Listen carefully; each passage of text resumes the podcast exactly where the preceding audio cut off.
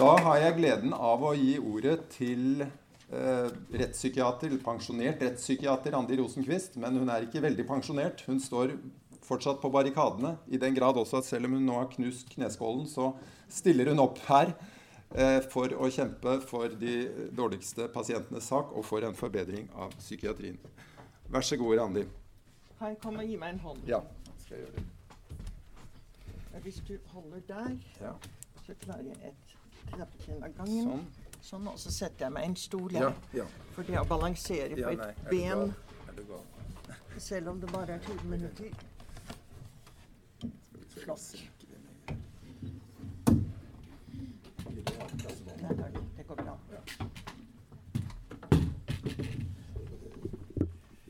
Hyggelig å se så mange mennesker tidlig en lørdags formiddag. Jeg ville ha sittet hjemme og lest Aftenposten og drukket en ekstra kopp kaffe på denne tiden, jeg. Men veldig hyggelig at dere kommer her, og det er vel fordi at temaet angår oss veldig mange. Jeg vil litt tilbake til 100 år siden i psykiatrien. Da kaltes de psykiatriske sykehusene asyl. Og svært syke mennesker fikk asyl i sykehusene, av og til for livstid, av og til bare i en lengre periode som syke. Og vi vet alle sammen om dikteren Olav Hauge, f.eks., som jo ble innlagt i måneder på Valen sykehus ved dype depresjoner, og overlevet pga. disse asyloppholdene. I, og de, jeg, altså de psykiaterne som arbeidet i asylene, de hadde ikke mye, mange hjelpemidler. Og situasjonen var ganske, ganske ille. Det å være, ha en schizofrenilidelse er veldig alvorlig. Og jeg blir ganske lei meg når jeg hører at folk syns det er så stigmatiserende å si at det er schizofreni. At, at det, er, det, er, flaut å ha schizofreni. Tenker litt sånn som for, for 50 år siden, hvor man ikke snakket høyt om kreft. Men nå vet vi veldig mye mer om kreft og snakker om det. Og persontilpasset behandling. Men vi må også snakke om schizofreni som at dette her er jo en, en alvorlig sykdom i hjernen som er annerledes. Men altså Parkinson er også en hjernesykdom. Vi har jo, jo mange forskjellige avvikende tilstander som har utspring i, i uheldige fungeringer i hjernen. Og vi må se på schizofreni som en slik sykdom som det er innmari urettferdig at man får. Men noen får det faktisk. Jeg vil gå, så hoppe videre til 1960. Og da fikk vi en ny psykiatrilov. Og det dramatiske i 1960 var at da hadde vi fått medisiner som hjelper mot schizofreni. Det er ikke alle som blir friske. Men moderne medikamentell behandling og annen psykiatrisk behandling gir prognosen er vesentlig mer positiv enn det den var for 100 år siden. I 1960 så var det 18 000 senger i norsk psykiatri, og da var vi 3,5 millioner innbyggere. Nå er det 3300 med 5,5 millioner innbyggere. Så det har blitt en dramatisk nedbygging fra 1960. Og det kom delvis av at man fikk bedre, bedre medisiner. Delvis av at vi fikk uføretrygd, slik at pasienter med kroniske sinnslidelser hadde noe å leve av.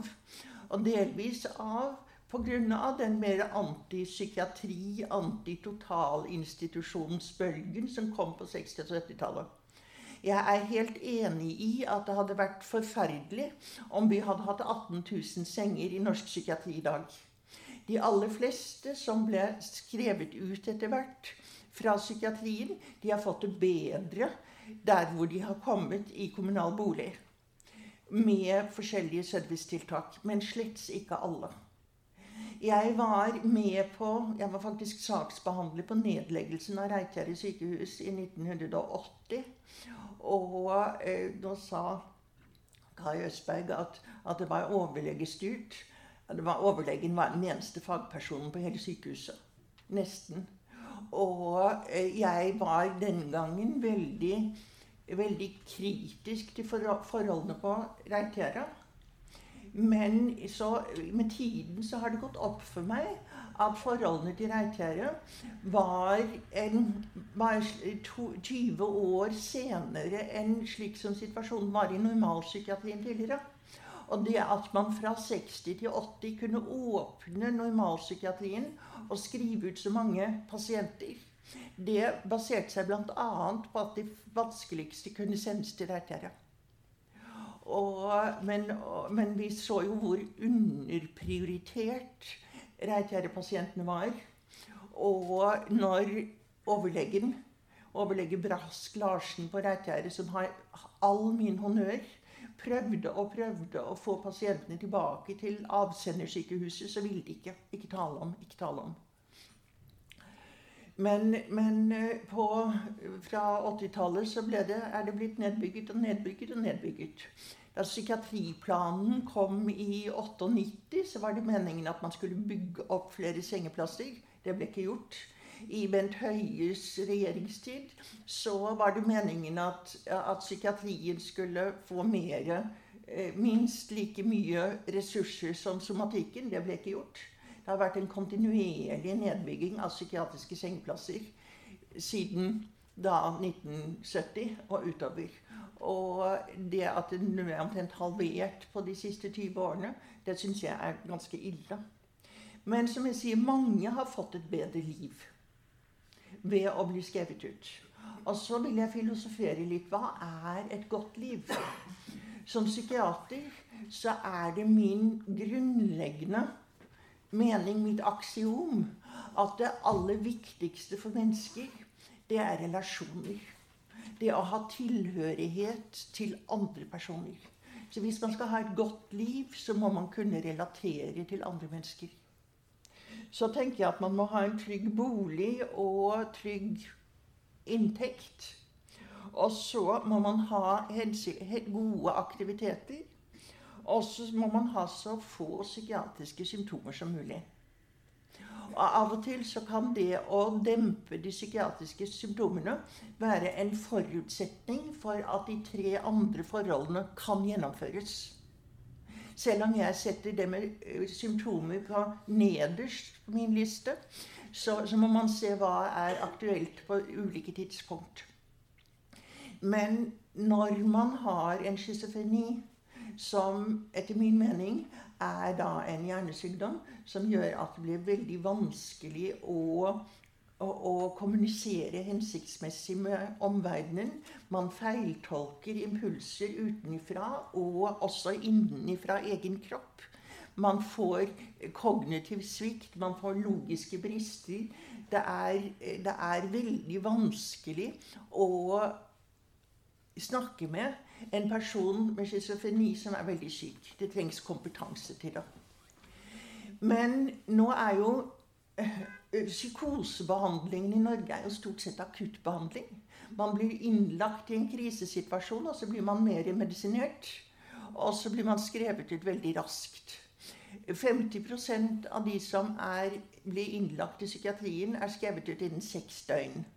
95% er skrevet ut innen halvannen måned.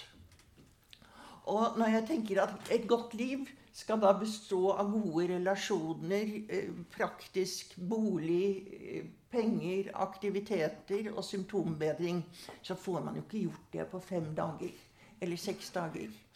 Og det at psykiatrien som spesialisthelsetjeneste har nærmest fått den eneste eller, ja, Nå overdriver jeg, men det er en veldig stor del av spesialisthelsetjenestens arbeidsoppgaver som går på akutt intervensjon. Og jeg var borti en sak for en tid siden hvor det var en pasient med en kronisk schizofreni som bodde i en dårlig kommunal bolig, som ikke hadde noen aktiviteter på dagtid, som hadde lite relasjoner og som så ruset seg. Og så ble han enda mer kaotisk, og så ble han innlagt. Og så ble han medisinert i noen dager, og så ble han sendt tilbake til kommunen med, med eh, beskrivelsen at pasienten er nå ferdigbehandlet og er i sin habitualtilstand. Og da skriker jeg. For det man jo skal behandle pasienten for, er jo å hjelpe ham til å fungere i en bedre bolig med, sammen med andre mennesker. Og relatere hensiktsmessig til andre mennesker. Og være trygg på et fellesskap og ha en aktivitet. Alt dette er da tiltak som kommunene ikke har forutsetninger. De har ikke faglige forutsetninger, og de har ikke, har ikke kapasitet til å gjøre det. Jeg hadde en krangel en gang med en av mine underordnede leger, som syntes at det var så urimelig at han måtte gjøre sosionomarbeidet. For han var jo psykiater. Og så sier jeg ja, men du er den som kan, skal snakke med pasienten og skjønne hans behov. Og diskutere med ham. Det å fylle ut skjemaer, det klarer du helt sikkert.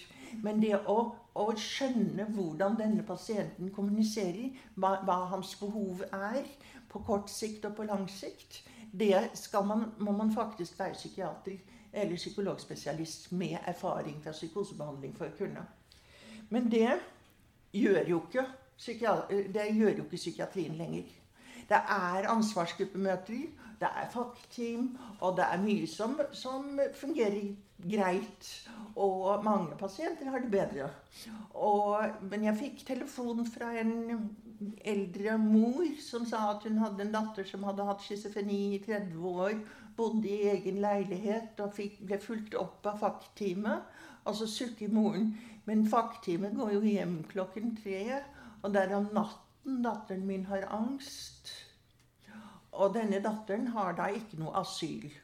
Hun blir overlatt til seg selv og sin gamle mor, som da bor et annet sted, hele ettermiddagen og kvelden og natten. Og hun gjør ikke noe galt i den forstand at hun, hun, hun skader ingen, men hun lider eh, den tiden av døgnet hvor hun ikke har folk rundt seg. Jeg syns dette er veldig tåredryppende. Altså virkelig, jeg blir provosert av det. Jeg holdt et, et foredrag for noen sentrale helsebyråkrater eh, eller iallfall sentrale jurister i forvaltningen for en tid siden om eh, hvor jeg sier at det største rettssikkerhetsmessige problem i norsk psykiatri er at pasienter som trenger det, ikke får behandling. Det er ikke det at pasienter blir tvangsinnlagt og tvangsbehandlet uten at det er, er hjemmel for det. Og så diskuterte vi litt frem og tilbake, og så sier denne, eh, denne byråkraten ja, det er iallfall sikkert at hvis jeg blir lagt inn i psykiatrien, så har jeg så skal jeg lage et helvete. tenkte jeg det var noe pussig. Så sendte jeg ham en mail da jeg var kommet hjem og sa at jeg har merket meg at du hadde tenkt å lage et helvete hvis du ble tvangsinnlagt i psykiatrien. Planlegger du også å lage et helvete hvis du blir lagt inn på nevrologen med parkinson eller urologen med prostataproblemer? Tenkte meg jeg skulle skyte der hvor det gjorde vondt. Og, og, så fikk jeg et veldig flaut svar da at ja, nei, han pleide å gå ut sånn. Men det at det er så mange mennesker, inklusive jurister som står for rettssikkerheten i forvaltningen, som tror at det er et overgrep å få psykiatrisk behandling, det syns jeg er veldig leit. Og jeg vet jo at psykiatrien ikke alltid gir, har gitt god behandling. Bevares.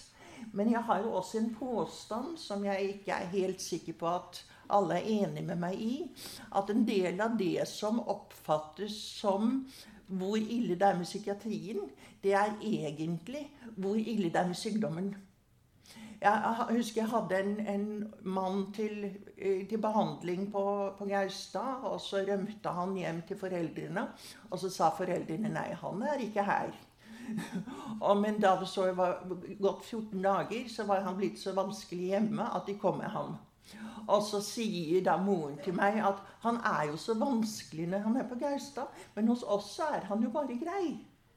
Men altså, det var de første 14 dagene da han stadig var medisinert. Og, og, og det var ikke Gaustad som gjorde vanskelighetene. Og jeg er jo veldig bekymret for, for slik som vi nå har organisert psykiatriomsorgen. At man, laver, at man har spesialisthelsetjenesten som stort sett sier at vi må medisinere og sende videre. Og så har vi kommunehelsetjenesten som da verken har kapasitet eller kompetanse til å gi det disse pasientene eh, eh, trenger. Og så har vi da de private tjenester, som da veldig ofte er mor. Og, og det er en stor belastning av mor i disse sakene. Og jeg er jo opptatt av at vi skal gi bedre pasientoppfølging. Vi må gi asyl til den tredjedelen av pasienter med schizofreni som ikke blir noe særlig bedre. Vi må gi profesjonell oppfølging over lengre tid enn frem og tilbake og frem og tilbake. For den tredjedelen av schizofrene pasienter som klarer seg ganske bra hvis de får oppfølging på strategiske steder. Og så må vi gi en god kommunal omsorg i samarbeid med psykiatrien for, de, for den tredjedelen som klarer seg ganske bra. Og vi må gjøre dette pga. pasientenes behov og pårørendes behov. Det bli, må være litt mindre smertefullt å være alvorlig syk. Jeg har jo stått for sikkerhetspsykiatrien i alle år. Og jeg syns jo at det er ille at pasienter er så, er så syke at de ikke klarer å vurdere sin, sine handlinger og begår alvorlige voldshandlinger. Det ødelegger jo deres liv. Og det ødelegger veldig mye omdømmet til psykotiske pasienter, f.eks. Men jeg tror jo at man kunne ha forhindret noen voldshandlinger med bedre oppfølging. Og det vi jo ser fra moderne eh, psykiatri, det er jo at folk kommer inn i psykiatrien som ganske psykotiske og dårlige. Så blir de medisinert, og så blir de litt bedre. Og så sier eh, behandlere at nå er han samtykkekompetent, og han vil jo ikke behandles mer. Og jeg har jo sammen, sammen med Joakim Kjendel, som er her, så har vi sittet i dette samtykkekompetanseutvalget. Og jeg har jo vært opptatt av at folk ikke må avvises i døren fordi at man på sviktende grunnlag tror de er samtykkekompetent. For jeg vet jo også at mange psykotiske pasienter kan simulere upsykotisk i ti minutter. Men man må samle totalinformasjon om hvordan fungerer de. Og tilsvarende ved utskrivning så må man vite hvordan fungerer de. Man må tenke i forhold til den situasjonen han kommer ut til. Altså Hvis en pasient sier ja, men nei, ja, nå har jeg fått hjelp, jeg har, og nå skjønner jeg at jeg må ikke ruse meg, og jeg, alt skal gå bra mer, og jeg tror ikke jeg kommer til å bli syk igjen. Hvor realistisk er det? Er, er det noe han har lært å si? Og en av mine pasienter har jeg hatt masse diskusjoner med fordi at han har et sett med vrangforestillingslidelser, eller vrangforestillinger, og som gjør at han også innretter sitt liv veldig, veldig negativt. Og jeg sier jeg mener han må, at dette her er psykotiske vrangforestillinger, at han trenger behandling for det. Altså sier han, Så snakker vi litt frem og tilbake på det, og så konkluderer han med ja, men da får vi jo være enige om at vi er uenige. Og som jeg sier, det kan man jo si på Dagsnytt 18 eh, i en politisk debatt. Men når man diskuterer hvorvidt dette er vrangforestillinger eller ikke, så mener jeg faktisk at jeg har rett og han tar feil. Og at han ikke har samtykkekompetanse, selv om han da kan komme med en slik pragmatisk oppsummering. Det er noe han har lært for å, for å slippe å diskutere mer. Men jeg er, er, da veldig opptatt av at man må ha bedre oppfølging for sånn som han. At eh, man må ha bedre vurdering av samtykkekompetanse. Jeg syns det er trist når pasienter kommer inn i en krise og får litt kriseintervensjon, og så sendes ut igjen til den samme krisen som bygger seg opp igjen til neste år. Eller om tre måneder. Så, så, jeg tror at samtykkekompetansevurderinger bør være faglig sterkere enn det man har nå. Så er det også noe som ikke alle vet om.